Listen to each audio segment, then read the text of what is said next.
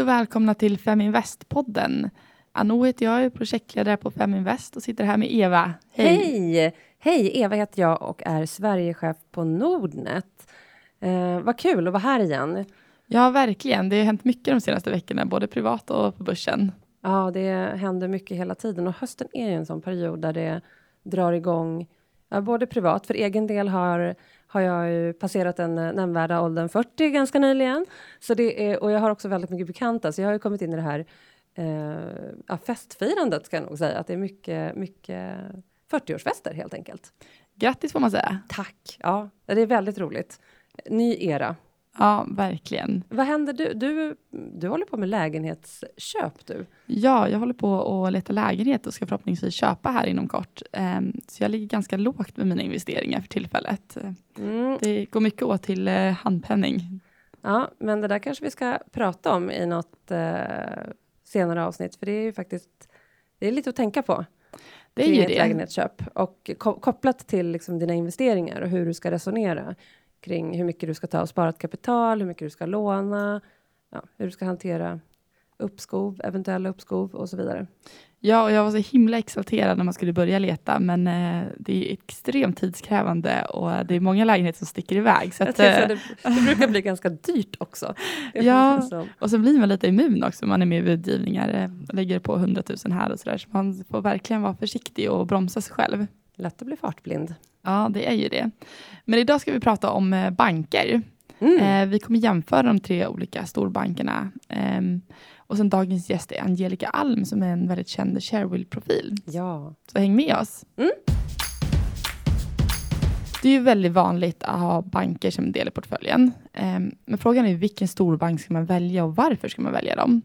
Så idag tänkte vi rikta in oss på tre olika. Eh, Handelsbanken, Swedbank och Nordea.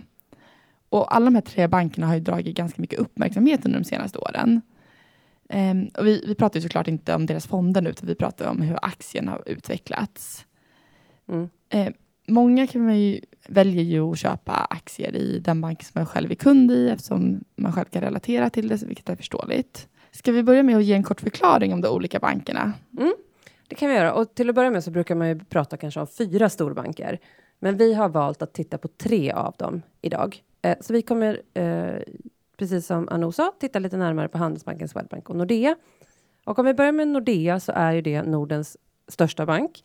De har ett börsvärde på ungefär 345 miljarder och har 30 000 anställda i banken, vilket är helt enormt. Jag blev lite, eh, inte förvånad kanske, men, men det, blir, det, är så, det är en otrolig siffra. Eh, Handelsbanken eh, har ett börsvärde på 220 miljarder och har 12 000 anställda. Swedbank eh, också ungefär 220 miljarder, så de är jämnstora om man tittar på börsvärdet eh, och har cirka 13 000 anställda. Och SCB då, om vi bara lägger med det för att också titta på den, den fjärde storbanken, så har de ett börsvärde på 190 miljarder och ungefär 16 000 anställda. Så det är liksom lite kort fakta om dem. Alla banker har ju en lång historia, flera av dem flera hundra år. Så det är väl lite kort om bankerna. Ja, och vi valde ju att rikta oss till de här tre för att det har hänt ganska mycket det senaste mm. året. En av de största händelserna i år eh, var ju den här Panama-skandalen. Hur påverkar en så här situation ett bolag som Nordea som var inblandat? Eh, och vad var det som hände för någonting? Ja, om vi börjar lite grann med vad, vad var det som hände egentligen? Eh, det, var, det var ju faktiskt tag. Den 3 april så avslöjades det en läcka på 11,5 miljoner dokument som visar eh, att den Panama-baserade advokatbyrån, då, den här Mossack Fonseca, tror jag den uttalas, eh, som man kunde koppla ihop det med. Och det var ju bland annat då skattefusk, det var pengatvätt och det var korruption. Eh, och då kom det ju fram just i Nordea-caset då, så att Nordea hade erbjudit sina allra förmögnaste kunder att skapa ett brevlådeföretag i skatteparadis för att då undvika skatt. Eh, Nordea var absolut inte ensamma med det här. Även Swedbank Handelsbanken och eh, i viss mån även Carnegie var inblandade. Då pratar man mellan 5 till 700 dokument. Men när det då gällde Nordea, då handlade det om nästan 11 000 liksom, dokument som hade eh, skett. Så att det här var liksom. Det var inte så att de andra bankerna gick helt undan, men det var så otroligt stort eh, för Nordea. Och det här på, den här utredningen pågår ju fortfarande. Det är ju inte klart ännu, utan det här är ju någonting som fortfarande pågår. Hur påverkade det här deras aktie? Ja, när läckan kom så började man ju prata om eh, liksom att oj, det här kommer ha effekt på, på aktien. Men, men eh, det hade det faktiskt inte. Nu när vi tittar tillbaka så skulle jag säga att inte alls särskilt mycket. Det gav lite osäkerhet, precis. Det är ju liksom, det är ingenting börsen gillar när det börjar bli så här, o, o, saker som händer i ett bolag som man inte riktigt vet vad det kommer innebära.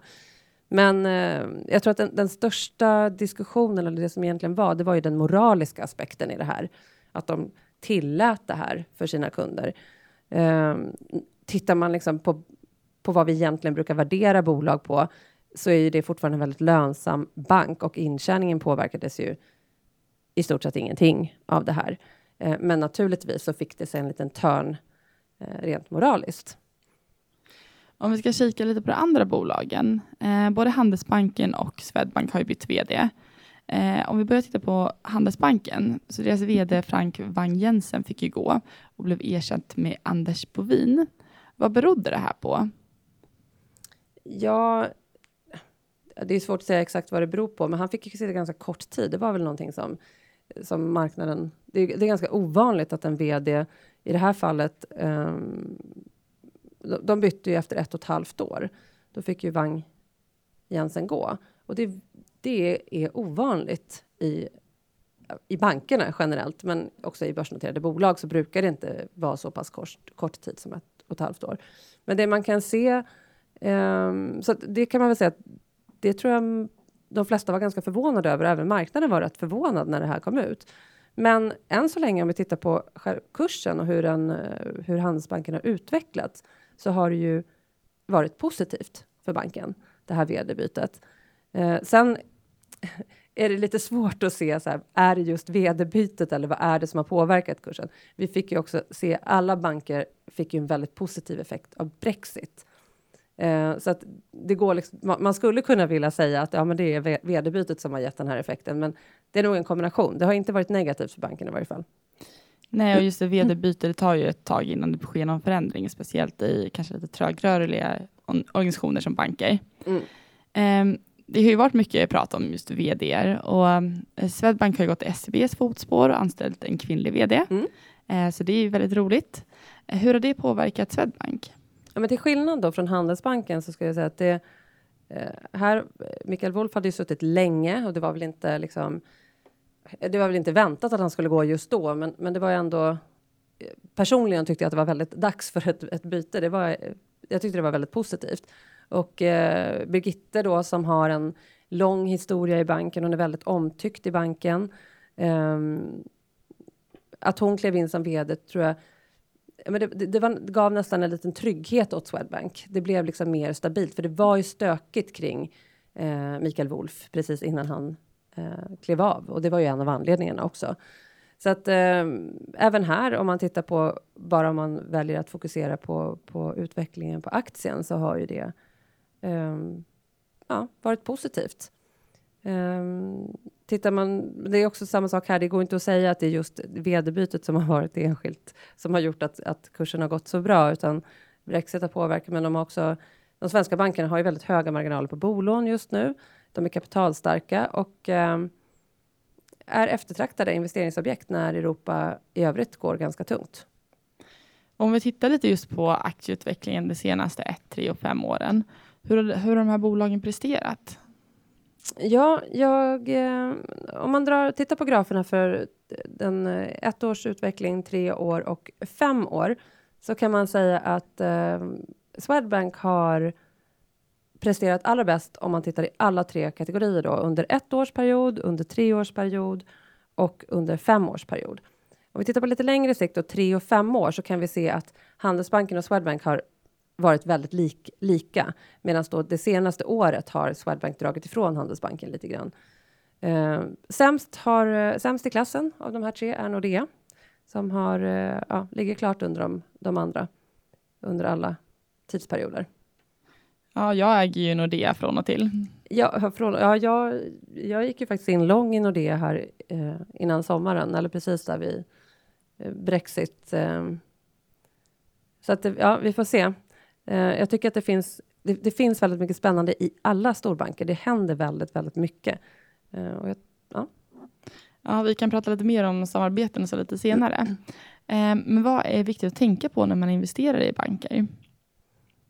Ja, man tittar, bankerna är ju, man brukar kalla det finansiella systemets smörjmedel. Så de är ju vanligtvis ganska konjunkturkänsliga. Eh, när det är bättre tider så går ekonomin bra och då börjar det ju strömma mer och mer pengar i systemet. Eh, så att det är liksom allt det här. Tycker man att banken tjänar mycket pengar, ja, då kanske man hellre ska äga banken än vara kund i banken. Man brukar säga. Det finns en gammal sägen som säger så. Så att eh, konjunkturkänsliga, eh, men eh, långsiktigt har det varit väldigt bra investeringar och de ger ofta en hög utdelning också. Det brukar vara en bra utdelningsaktie. Ja, verkligen. Det är en stor anledning till varför man äger banker. Eh, har bankerna någon tid som de går mindre bra på året eller går bättre på året? Mm, jag skulle säga att det varierar med konjunkturen också ganska mycket. Hur den ser ut. Kanske inte mer eh, årsmässigt. Eh, de är ganska kända för att vara stabila och ha bra utdelning som vi pratade om. Mm. Eh, hur ser det ut just med de här tre bankerna? Vilka har bäst utdelning? Ja, tittar man över tid så kan man se att om man ser hur de har jobbat med utdelning så har Handelsbanken höjt utdelningen kontinuerligt sedan 2008. Eh, Nordea och Swedbank har både höjt och sänkt under åren. Det har varierat lite grann. Eh, alla sänkte eller tog bort utdelningen 2008 av förklarliga skäl. Men om man tittar på direktavkastningen så kan man se att den aktie som ger absolut högst direktavkastning är Nordea. Och så Handelsbanken och Swedbank ligger ungefär på samma nivå. Ja, men det är viktigt att kika lite på utdelningen eh, om det är anledningen till varför man investerar. Eh, vi pratar lite om eh, samarbeten och fintech, fintech är ju väldigt aktuellt ämne. Vi var ju på Stockholm Tech för några veckor sedan mm. eh, och det händer ju väldigt mycket, speciellt inom finansbranschen som har varit lite sen när det kommer till just tech och så här. Och, och, det är ju, man kan säga att trenden är ju lite att stora bolag börjar samarbeta med mindre startups. Mm. Och vad tror vi om framtiden för de här bolagen? Ja, men bankerna har ett stort behov av att förnya sig Eh, de sitter i gamla strukturer och kommer få svårt att försvara sig för de här eh, små fintechbolagen som kommer upp. För de kommer ju upp inom en speciell nisch och plockar och blir riktigt, riktigt bra på den, den delen. Och även de regelverk och annat som kommer eh, framåt här gynnar ju en ökad konkurrens och kräver att vi öppnar upp. Att de traditionella bankerna och även vi på Nordnet, alla måste öppna upp mer för att andra aktörer ska kunna komma in eh, och erbjuda tjänster. Men eh, så att man skulle säga så här att vi börjar se en väldigt, väldigt förändring. Det såg vi också på Stockholm Tech när vi var och lyssnade där. Eh, bankerna är mycket, mycket mer villiga att eh, börja samarbeta, titta, vägar framåt, att jobba tillsammans med fintech. Tidigare har de väl varit lite mer motvilliga. Eh, Swedbank har lanserat eh, eller har, har liksom varit öppna med att de har börjat ett samarbete med ett bolag som heter Sprinklebit, eh, som, eh, där de eh, säger då att de ska konkurrera lite med vår tjänst Shareville. Det är jättepositivt att fler vill öppna upp och göra det bättre för konsument eller för, för kunderna. tycker jag är jättebra. Och SCB har ju varit tydliga med att de eh, kommer investera eh, har gått in i det här i Tink tillsammans med Creades. Så att de två har ju varit öppna med det. Handelsbanken um, har inte varit tydliga med vad de gör, men jag är helt övertygad om att de också tittar på det här. Jag tror inte att det finns någon bank idag som sitter eh, och stänger dörrarna för den här typen av samarbeten framåt. Sen har väl Handelsbanken haft lite en egen strategi eh, jämfört med andra banker när det kommer till outsourcing och så också. Ja, Nej, men de, de har ju, Handelsbanken är ju den som är, avviker mest. Um, men jag tror också att det kommer långsiktigt bli svårt för dem att hålla. Jag tror att de kanske har en annan strategi i hur de tar in. De kanske snarare köper in än samarbetar. Det har jag ingen aning om. Det var bara en egen teori. Men, men jag är helt övertygad om att de inte kommer kunna låta stänga portarna till, till det som sker utanför just nu. För lagstiftningen som kommer, den påverkar även dem. Och det blir spännande att se och jag tror det kommer hända väldigt, väldigt mycket, speciellt inom finansbranschen när det kommer till tech. Men om vi ska sammanfatta, vad Mm. är det man ska tänka på nu när man investerar i banker? Ja, men det man kan tänka på är att det du inte får ut av din bank som kund kan du få ut av din bank genom att äga en del i banken eller vara delägare i den. Eh, banker höjer vanligtvis utdelningen när ekonomin går bra och kan snabbt slopa utdelningen när ekonomin vänder. Så att det är också precis som du säger, du går in och ut i Nordea eh, och det är många som går in och ut i bankaktier. Men det är också en, en aktie man kan äga på lång sikt. Idag står svenska banker väldigt kapitalstarka i motsats till många andra banker i världen, eh, vilket är en jättefördel för de svenska bankerna.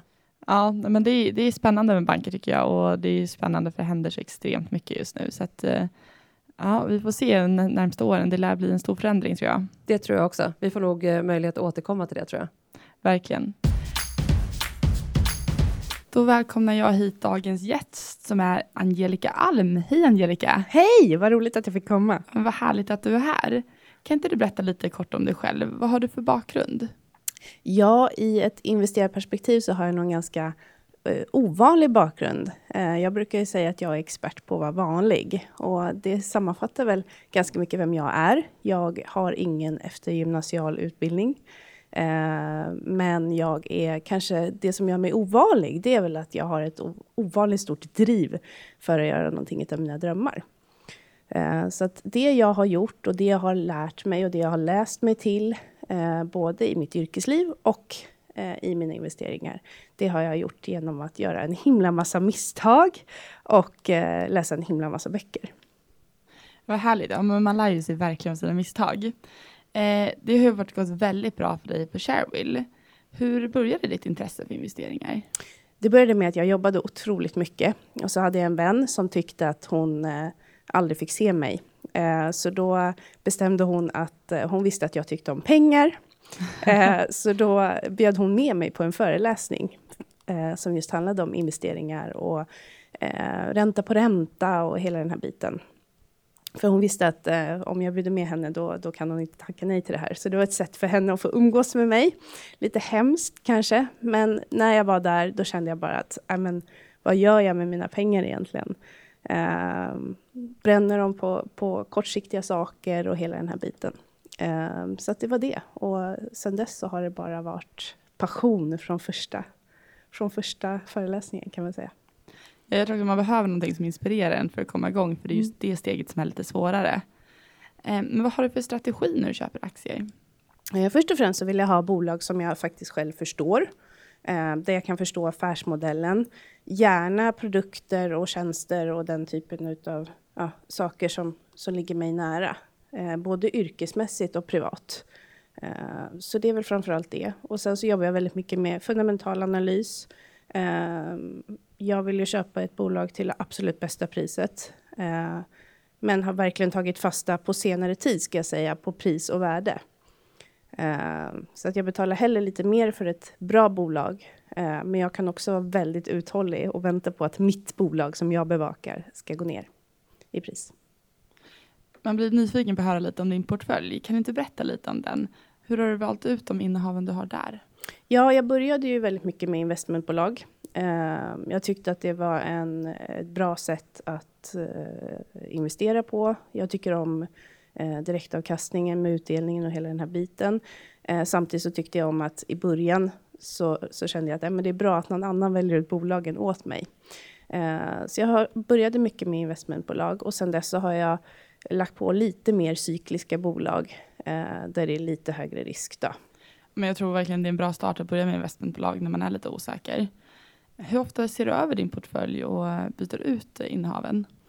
Jag tittar ju till den i princip varje dag. Man vill ju veta om man har jobbat gratis på jobbet eller om man har fått dubbel uppbetalning när man har, kommer hem från jobbet. Eh, men jag gör inte så himla mycket förändringar. Så om man vill ha någon sån här daytrader som gör byten varje dag i portföljen, då ska man nog inte följa mig på Sharewill.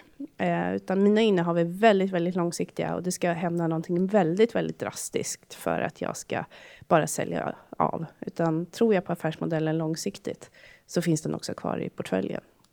Man kan säga att du använder dig av en köp och behåll-strategi. Absolut. Men sparar du både i fonder och aktier? Ehm, I mitt eh, privata sparande så har jag i stort sett bara aktier. Eh, jag går in i fonder ibland, eh, framförallt när det har varit stiltje på börsen under väldigt lång tid. Då har jag ett visst månadssparande i vissa fonder. Men det är 80 till 90 procent aktier hela tiden. Jag gillar utdelningarna. Ja, det är förståeligt. Eh, jag och Eva pratade tidigare om banker. Så att du har eh, Swedbank i din portfölj. Mm. Hur gick dina tankar kring det? Varför valde du ut Swedbank, inte någon annan av de stora bankerna? Ja, alltså det var ju, jag har ju länge velat haft en bankaktie, men jag tycker att banker är svåra att värdera. Eh, men sen så bestämde jag mig efter Brexit att eh, nu är det ett bra tillfälle. De flesta hade sjunkit ganska mycket eh, och jag ansåg inte att de nyheterna som vi fick i samband med det var någonting som skulle påverka våra svenska banker eh, kortsiktigt eller kanske långsiktigt heller för den delen. Eh, och då gjorde jag helt enkelt en analys eh, och eh, det stod mellan Swedbank och en annan bank och eh, till slut så kom det till att jag tyckte att kundtjänsten på Swedbank var bättre. Eh, och då tänkte jag att då är det nog fler sparare som tänker så. så då, då blev det Swedbank. Ja, men eh, det är, många går ju ofta och köper den banken som man själv är kund i kanske för att det känns lättare att relatera mm. till den. Mm, det är ju inte jag. Nej, Nej, du hade en annan strategi där. Jag har också lite banker som jag inte är kund i faktiskt. Nej, precis. Nej, men eh, jag tyckte att det var väl den som hade bäst värdering. Eh, sen har de ju haft lite, eh, lite stormigt på sista tiden. Eh, och återigen, jag trodde inte att det var någonting som skulle påverka eh, aktien eller hur, hur eh, Swedbank gör ifrån sig på lång sikt. Hur gör du för att få balans i din portfölj? Ja, det där är en svår fråga. För att rätt vad det är så har man en aktie som går väldigt, väldigt bra. Och då vill man ju gärna balansera portföljen så att inte det blir det absolut största innehavet. Jag har ju Svolder nu som jag har en avkastning på en bra bit över 100 procent på, eller 200 procent till och med. Eh, ja, och det är ju jättekul. Eh, men det är också risk att den tar över portföljen och då blir man ju lite mer sårbar. Eh, så att jag försöker att inte snitta ner mig. Eh, det misstaget har jag gjort eh, och det vill jag inte göra om. Eh, och istället då kanske ta in något annat bolag i portföljen så att man får en bättre balans och bättre spridning emellan. man blir nyfiken på att höra, vad är ditt bästa aktieköp som du gjort hittills? Ja, man hade du frågat mig för ett halvår sedan så hade det varit Kinnevik. Eh, nu blir det faktiskt Folder som, som har gjort otroligt bra ifrån sig. Även Byggmax faktiskt. Jag köpte Byggmax eh, i samband med en jättestor eh, sån insider, insiderhandel. Eh, där han, eh, en av eh, ägarna sålde av ett, jättestort eh, innehav. Eh, och då var det många som sa att nej, men nu ska man inte eh, äga Byggmax för man tyckte inte att det fanns någon bra anledning för honom att, att sälja av så pass mycket. Men jag satt kvar faktiskt. Eh, och det har blivit en jättebra affär. Så det är kul.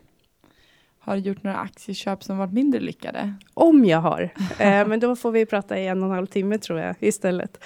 Eh, när jag började investera eh, så hade jag inte så jättemycket pengar. Men jag är en sån här person som blir passionerad över någonting så kastar jag mig gärna ut. Så jag köpte SAS-aktier. Eh, för jag tänkte att om de har sjunkit 70 procent, då kan de nog inte sjunka så mycket mer. Eh, men de kunde ju fortfarande sjunka 80 procent från det att jag köpte dem. Eh, så det var absolut en lärdom. Återigen att köpa på värde och inte pris. Uh, sen var det någon som sa att nej, men om det är byggkranar i skyn, då ska man köpa byggaktier. Uh, och jag åker ju ganska mycket över Essingeleden här i Stockholm uh, och där är det alltid byggkranar i skyn. Så då köpte jag aktier i Peab strax innan de gick ner 48 procent. och det var lite jobbigt. Framförallt efteråt när jag såg att det stod Skanska på de där byggkranarna. Det var lite jobbigt och sen så har jag köpt Brasilienfonder för att någon har rått mig till det och så vidare. Men sen när jag började göra mina egna analyser och inte lyssnade så mycket på vad andra sa och de här omklädningsrumstipsen som gärna florerar. Eh, då har det gått väldigt mycket bättre. Så kan man säga. Det är ju så, man ska verkligen lyssna på sig själv. För när man börjar lyssna på stan och man hör det där, då har det gått väldigt långt och man är lite sist på bollen. Mm. Eh, har du några tips till våra lyssnare? Ja, men det är väl, aktiemarknaden tycker jag är lite som livet i allmänhet. Eh, man måste vara beredd på att ja, men det kommer toppar och det kommer dalar. Och så är det även i verkliga livet. Och det man kan göra det är att förbereda sig på att när, när det kommer en nedgång, både i livet och på aktiemarknaden, är jag rätt förberedd? Har jag valt rätt aktier för det här? Vi kanske inte kan eh, skydda oss mot allting som händer i livet. Eh, men man kan i alla fall dämpa fallet och se till att men, mentalt så vet jag att aktiemarknaden kommer gå upp. Speciellt nu när det är väldigt turbulent. Jag tror att de som går in nu och börjar investera, de kan nog tycka att det är psykiskt väldigt jobbigt. Men vi som har varit med några år nu, vi vet att men om det kommer en stor nedgång nu så, så, så går det alltid uppåt igen. Ja men verkligen, jättebra tips. Och om man vill följa dig nu på Sharewill, var hittar man dig någonstans? Ja, jag heter ju, det är ju så enkelt, för jag heter ju det jag heter. Så jag heter Angelica Alm och det är en fin bild på mig där, så det går inte att missa. Eh, och sen twittrar jag också på Angelica E. Alm. Spännande, nu får ni komma, gå in allihopa och följa Angelica och se hur framtiden, hennes utveckling på portföljen ser ut. Mm. Härligt! Tack så jättemycket för att du var med oss. Tack själv, det var jätteroligt. Tack så jättemycket för att ni var med oss idag. Um, och vi har fått väldigt mycket feedback och frågor på vad ni vill höra i framtida mm. avsnitt. Mm. Så mejla oss gärna om det är något mer ni vill höra, ta upp eller någon, någon feedback. Vi är väldigt positiva till det. Ja. Och kom ihåg nu, more women equals more money.